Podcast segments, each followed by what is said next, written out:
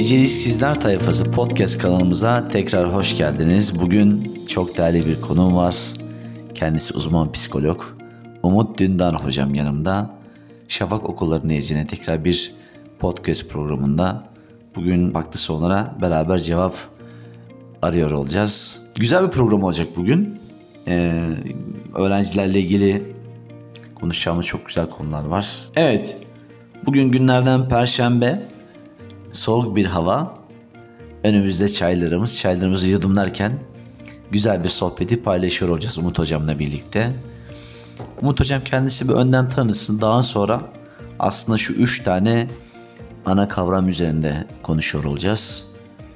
Yetkinlikler, kariyer ve gelecek konusunda öğrenciler ne tür aslında zorluklarla karşı karşıya özellikle lise grubu son viraj olduğu için bunlara beraber sohbet ediyor olacağız. Evet hocam buyurun söz sizde. Öncelikle teşekkür ederim size. Ee, kendimi tanıtırken sadece e, Umut Dündar demek istiyorum. Çünkü diğer kavramların hepsi e, diplomaların oluşturduğu bir kağıt parçasının oluşturduğu e, bir ünvan.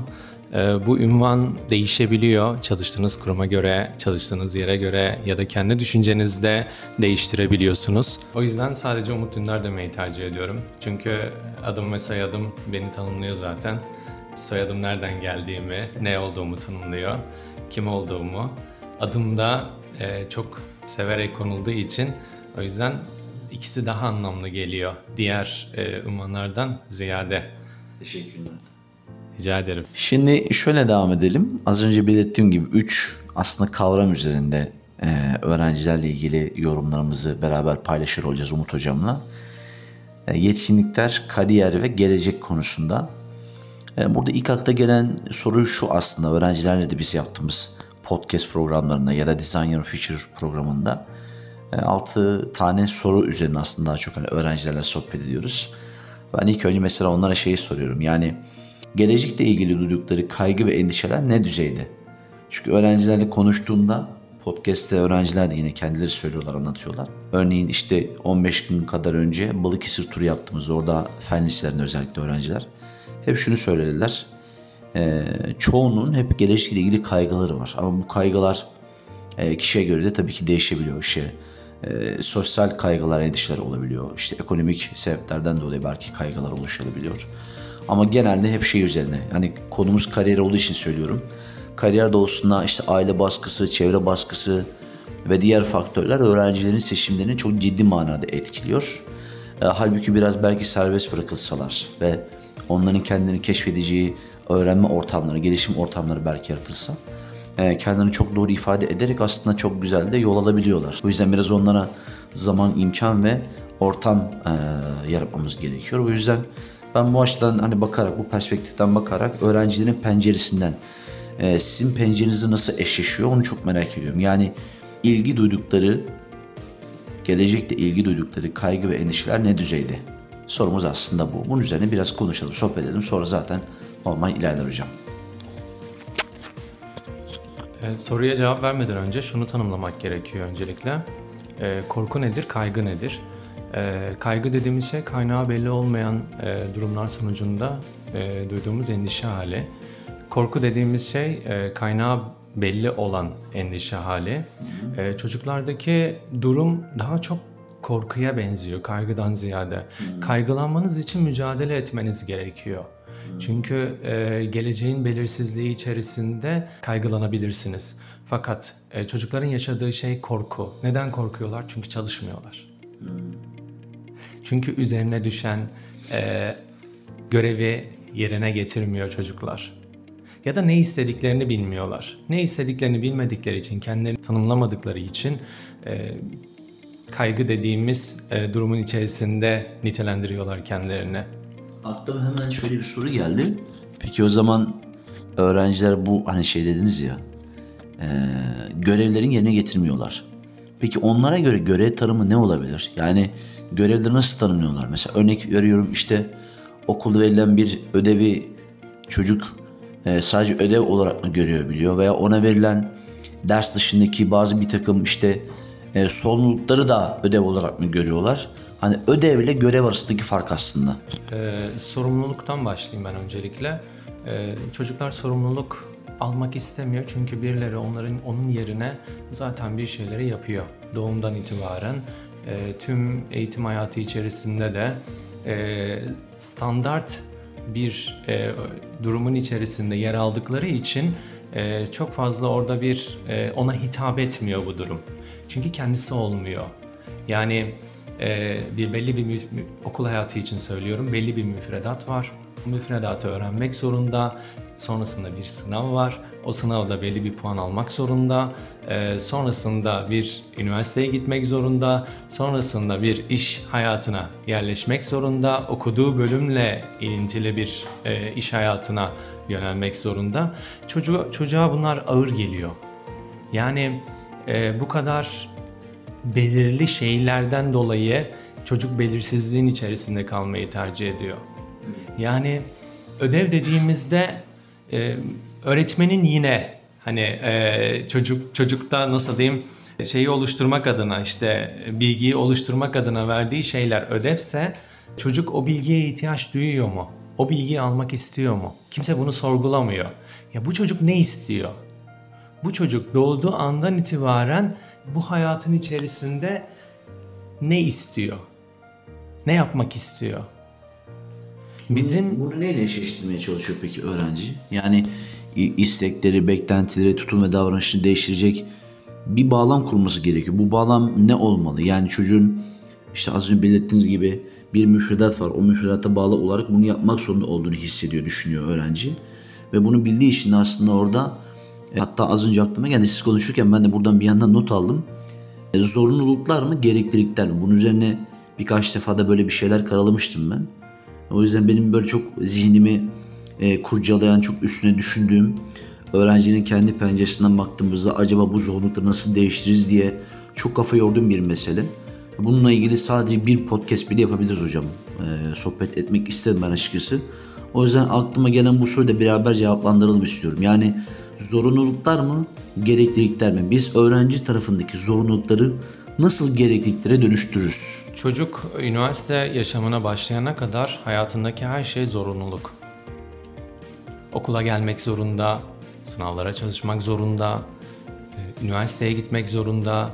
E, Hatta e, üniversiteye başladıktan sonra bile bir işe yerleşmek zorunda. Bu iş devlet devlet kadrosunda olmak zorunda. Özelde çalıştığınız zaman çok bir bir şey yapamamışsınız izlenimi yarattığı için bakış açımızı değiştirmemiz gerekiyor ve çocuklara yüklediğimiz durumları değiştirmemiz gerekiyor.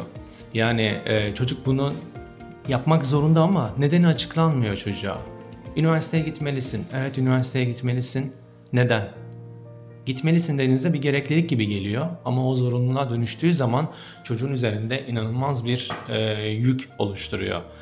E, bu yükü de hafifletmek için e, bence çocuğu kendi ilgi ve yeteneklerine yönelik geliştirmek gerekiyor çocuğu. Çocuk kendi ilgi yeteneklerine göre geliştiği zaman süreç içerisinde ki buna aile de odaklanmıyor, okulda odaklanmıyor maalesef. E, çünkü bizlerin kaygılarını, bizlerin korkularını, kaygı demeyeyim, bizim korkumuzu çocuklara yansıtıyoruz. Ben olamadım, o olsun. Ben yaşayamadım, o yaşasın. E, bunu yapmazsa şu olur. Hep geleceğe yönelik e, pesimist bir düşünce yapımız var. Bir görsün, yarın olmadı. Biz bugünü yaşamadığımız için hep yarına odaklıyız. Geçmişin keşkesi içerisinde, geleceğin eğri içerisinde sıkışıp durmuş durumdayız. Yani bugün ne yapıyorsun? Bugün çocuk ne yapmalı? Süper. O zaman bir şey daha aklıma geldi. Yine siz konuşurken notlarımı alıyorum.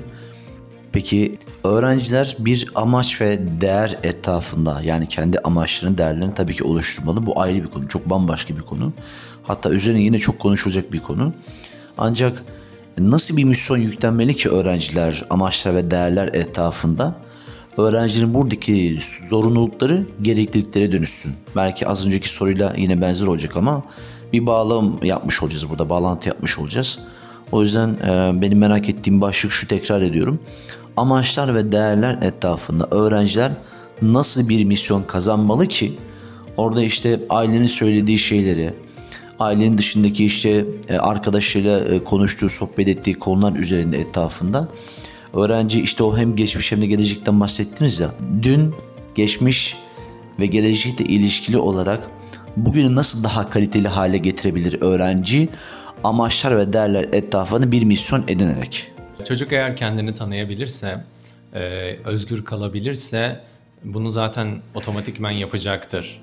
Özgür kalmaktan kastım şu, e, düşüncede özgürlük, e, inançta özgürlük, isteklerde özgürlük.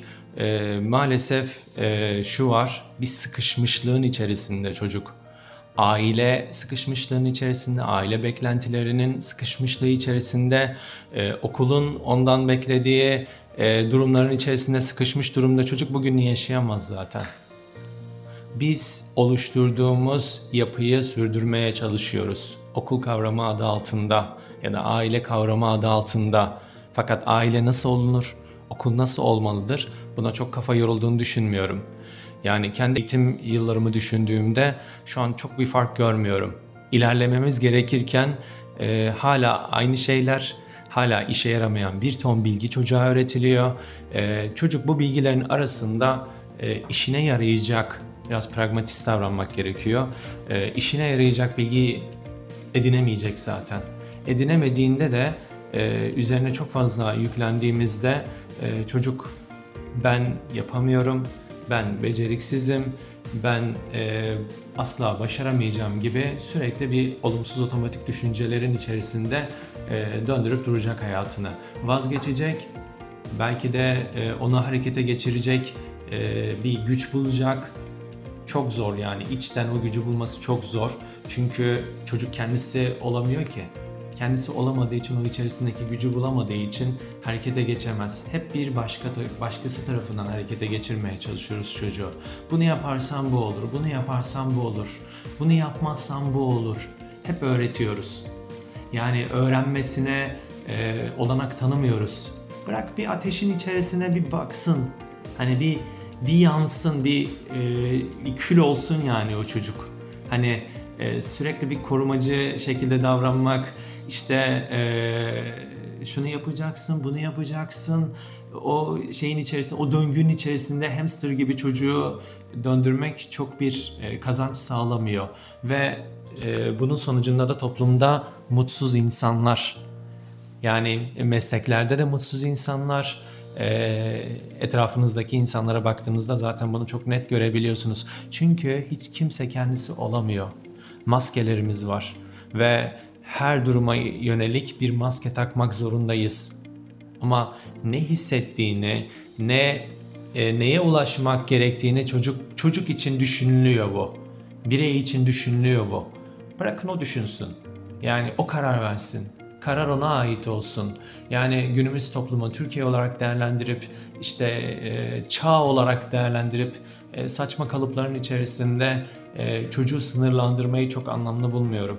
Çocuk da e, bu sınırlanmanın içerisinde çünkü biz sınırları çizerken korku ve kaygıyla o sınırları çiziyoruz. Başka hiçbir şey yok.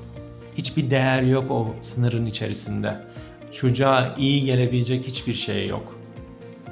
Çocuk düşsün, yaralansın, hata yapsın, tekrar yeniden ayağa kalksın, öğrensin. Öğrendikçe kendisini geliştirsin. Geliştikçe hatalarını minimize edecek deneyimler kazansın. Deneyim kazandıkça tecrübesi artsın ve tecrübe arttıkça zaten hep diyoruz işte deneyim ve tecrübe işe alımlarda işte anne babalar öğrencinin meslek kazanması sürecinde evet oğlum işte kızım deneyim ve tecrübe kazanmalısın zaten demiyorlar da hani dediklerine farz edecek olursak iş buraya çıkıyor. Yani öğrencinin kendisi bir birey olmasını sağlayacak bazı bir takım şeyler var. Mesela geçenlerde ben bir okuma yaptım. Siz yine konuşurken hep karalıyorum dedim ya önümde notlarım var. Çok hoşuma gitmişti. Onunla ilgili de yine bir şeyler yazmayı planlıyorum. Özellikle ilgili. Yani siz dediniz yani özgür olamıyor o çocuklar. Özgür olamadığı için aslında o belli sert çizgilerle çerçevelenmiş akademik müfredatın içerisinde kayboluyorlar. Kendileri bir birey olamıyor çünkü kendilerini keşfedemiyorlar. Bunun için e, yine notlarımı aldım. E, sadece bununla ilgili bir sohbet yapabiliriz hocam. özgürlük ve özellik arasındaki fark nedir? Bu kariyer yolculuğunda, gelişim yolculuğunda öğrenciye ne tür faydalar ve kazanımlar sağlayabilir? Güzel bir konu. Özellik ve özgürlük arasındaki fark. Arasındaki farkı şu an siz sorunca e, bir an düşünmeye çalıştım ama e, Aslında bu bir soru da değil hocam. Yani bak şunu spon, spon Evet, ilerliyoruz ya, evet. ben bunları yapacağım. yani o aklıma geldi o an sadece. Çünkü mesela özgünlük mimarisi diye bir dersimiz var bizim Design Your Future programında. Öğrencinin bireysel olarak kendilerini e, en güçlü şekilde tanımlayabileceği bir özgünlük e, aslında davranış tipi oluşturmaya çalışıyoruz. Hem davranış e, hem de düşünce biçimi aslında diyebiliriz burada.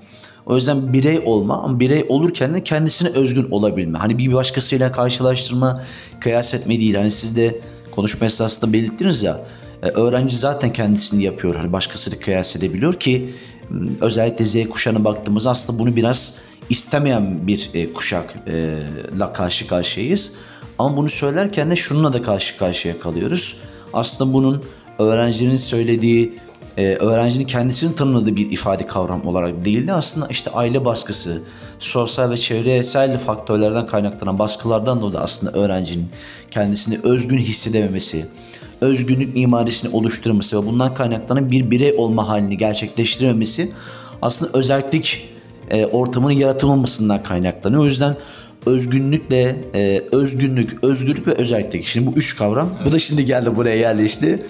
Bu üçü üzerine tekrar bir yeniden sohbet yapalım isterim. E, son sözleriniz için toparlamak için size mikrofonu vereceğim. Siz e, lütfen paylaşın. Sonrasında kapanış yapmış olalım hocam. Şöyle, e, üç kavram da çok önemli. Çünkü bireyi tanımak üzerine konuştuk aslında bugün genel olarak. Bireyin özgür kalabilmesi, özgür olmayan bir birey zaten özgün e, olamayacağı için. Yani bu kuşak kavramına ben karşıyım. Z kuşağı kavramına da karşıyım. Bu burçlar gibi bir şey. Ee, çocuk ikizler burcuyum, aslan burcuyum ve şu özelliklere sahibim diyor ve kendini sınırlandırıyor. Ve kuşakta da bu şekilde. Z kuşağı şu şekilde, Z kuşağı şöyle. Neden sınırlandırıyoruz? Ben çok farklı bir şey görmüyorum. Benim eğitim e, dönemimde de gençler bu şekildeydi. E, şu anki gençler de bu şekilde. Tek fark koşullarımız. Tek fark teknoloji. Tek fark e, ailenin artık eğitimle duruma gelmesi. Aslında kuşak değişmiyor. Kuşağın etrafındaki e, imkanlar, olanaklar, uyarıcılar her şey değişiyor. Onlar değiştiği için çocuklarda bir şeylerin e, değiştiğini görmek e, mümkün. Şöyle e, bu değişimin içerisinde biz de şey düşünüyoruz işte bu Z kuşağı bu özelliklere sahiptir, şöyledir. Yine bir genelleştirme, yine bir sınırlama, yine bizim çizdiğimiz e, katı bir e, çerçeve. E, ben o çerçevenin içerisinde çocukların yine e, özerk hareket edebileceğini, özgür davran çünkü özerk ve öz- öz- özgürlük aslında e, kardeş kavramlar. E, özgünlük özerklik ve e, özgürlük sonucunda gelebilir. Yani birey diğerlerinden farklı hale gelebilir. Nasıl özgün olabilsinler ki Z kuşağı dediğinizde özgünlük kavramını zaten ortadan kaldırmış oluyorsunuz. Eee çünkü hepsi tek tip ol- oluyor. Hepsi o şekilde davranmak zorunda. Z kuşağı adı altında belirtilen özellikleri gerçekleştirmek zorunda. Çocuklar araştırma yapıyor. Ha bu Z kuşağı nasıl bir şey? İşte ne özelliklere sahip? Aslında hiçbiri kendisinde yok. Yine kendisini tanımasına izin vermiyoruz. Yani bizler yine onu tanımlıyoruz ve e, onun da o tanımladığımız özelliklere uygun hareket etmesini istiyoruz. Ne özerk olabiliyorlar ne de özgün olabiliyorlar. Evet güzeldi hocam. Siz yine konuşurken benim aklıma bazı şeyler geldi. Ee, çok şey geliyor da hemen hepsini not almakta bazen güçlük çekiyorum ben de açıkçası. Ee, şimdi siz öyle söyleyince ilk şey geldi aklıma işte öğrencilerin, çocukların buradaki davranış biçimleri, düşünce biçimleri. Ama çok güzel şeyler de hocam. Ağzınıza sağlık. Çok teşekkür ederim. Güzel tanımlamalar yaptınız. Sohbeti çok keyifliydi. Ee, güzel notlar da aldık. Üç tane bir podcast konusu çıktı. Özgünlük, özgürlük ve özellik. Bunun arasındaki farklılık. Ee, son sözü tekrar hocama vereceğim. Söz istiyor. Zorunluluklar mı, gereklilikler mi? Bunları da konuşuyor olacağız. Bir de öğrenciler nasıl bir misyon yüklenmeli amaçlar ve değerler etrafında diye. Üç tane harika çok güzel konu çıktı. Vallahi süperdi hocam. Çok teşekkür ederim. Ağzınıza sağlık. Son toparlamak için mikrofonu tekrar size uzatacağım. Buyurun. Teşekkür ederim öncelikle e, güzel sorular için. E, şöyle bir durum var. Demokritos diyor ki erkini özünden alan insan diyor. Yani amacını kendi özünden alan insan ve Sokrates, Sokrates diyor ki kendini bil. Yani çocukların e, kendini bilmesini sağlayalım. E, kendi amacını kendi özünden edinmesini sağlayalım. O öz kavramı biz oluşturmayalım, çocuk oluştursun. Oradaki öze biz inmeye çalışalım. Çocuğun içerisinde ne var, ne istiyor. Bunu yapabilirsek ben güzel bir gelecek e, olacağını düşünüyorum. E, gençlere de e, hayatlarında başarılar diliyorum. Hocam çok teşekkürler. Bunun için üstüne söyleyecek zaten çok bir şey yok. Çok güzel tamamladınız. Ağzınıza sağlık. Ben Ömer Faruk Ayaz, K12 Akademi'den Beceriksizler tayfası. Burası bazen zor olabiliyor. Aslında isim çok güzel de söylerken zorlu çekiyor fakat şey çok iyi. Yani e, podcast kanal isminin e, çok ilgi çekici olduğunu söylüyor çocuklar, öğrenciler. E, becerileri kazan, riski minimize et, kariyerini yönet. Böyle bir mottomuz var. Bu motto etrafına o yüzden beceriksizler tayfası diye bir isim koyduk. Buradaki aslında amacımız da şuydu. İşte geleneksel olarak e, hani aslında konuştuğumuz hep kullanımla ilgili ya işte özgünlük, özgürlük, özellik etrafında konuştuk. Bu yüzden öğrencileri aslında özgün kılan şeyler e, tabii ki bunlar elbette ama hani eskiler hep der ya işte ya oğlum kızım bir işi beceremedin ne beceriksiz adamsın kızsın ya da işte evladın vesaire gibi. O yüzden burada riski minimize etmek için aslında becerileri kazanmamız gerekiyor. Bu noktada yetkinliklerimizi de arttırdığımızda e, geleceğe daha umutla bakabiliyoruz. E, o yüzden Beceriksizler Tayfası podcast kanalı olarak ismimizi koymuştuk. Evet e, kıymetli dinleyiciler ve çok değerli gençler Beceriksizler Tayfası podcast kanalımızda Umut Dündar ile birlikteydik. Çok güzel konuları konuştuk. Üç tane daha çok özel konu üzerinde etrafında bazı notlar aldık. Sonraki podcastlerde konuşmak üzere. Ee, tekrar teşekkür ediyoruz. Beceriksizler Tayfası podcast kanalına bugünkü görüşmemizi tamamlamış olduk.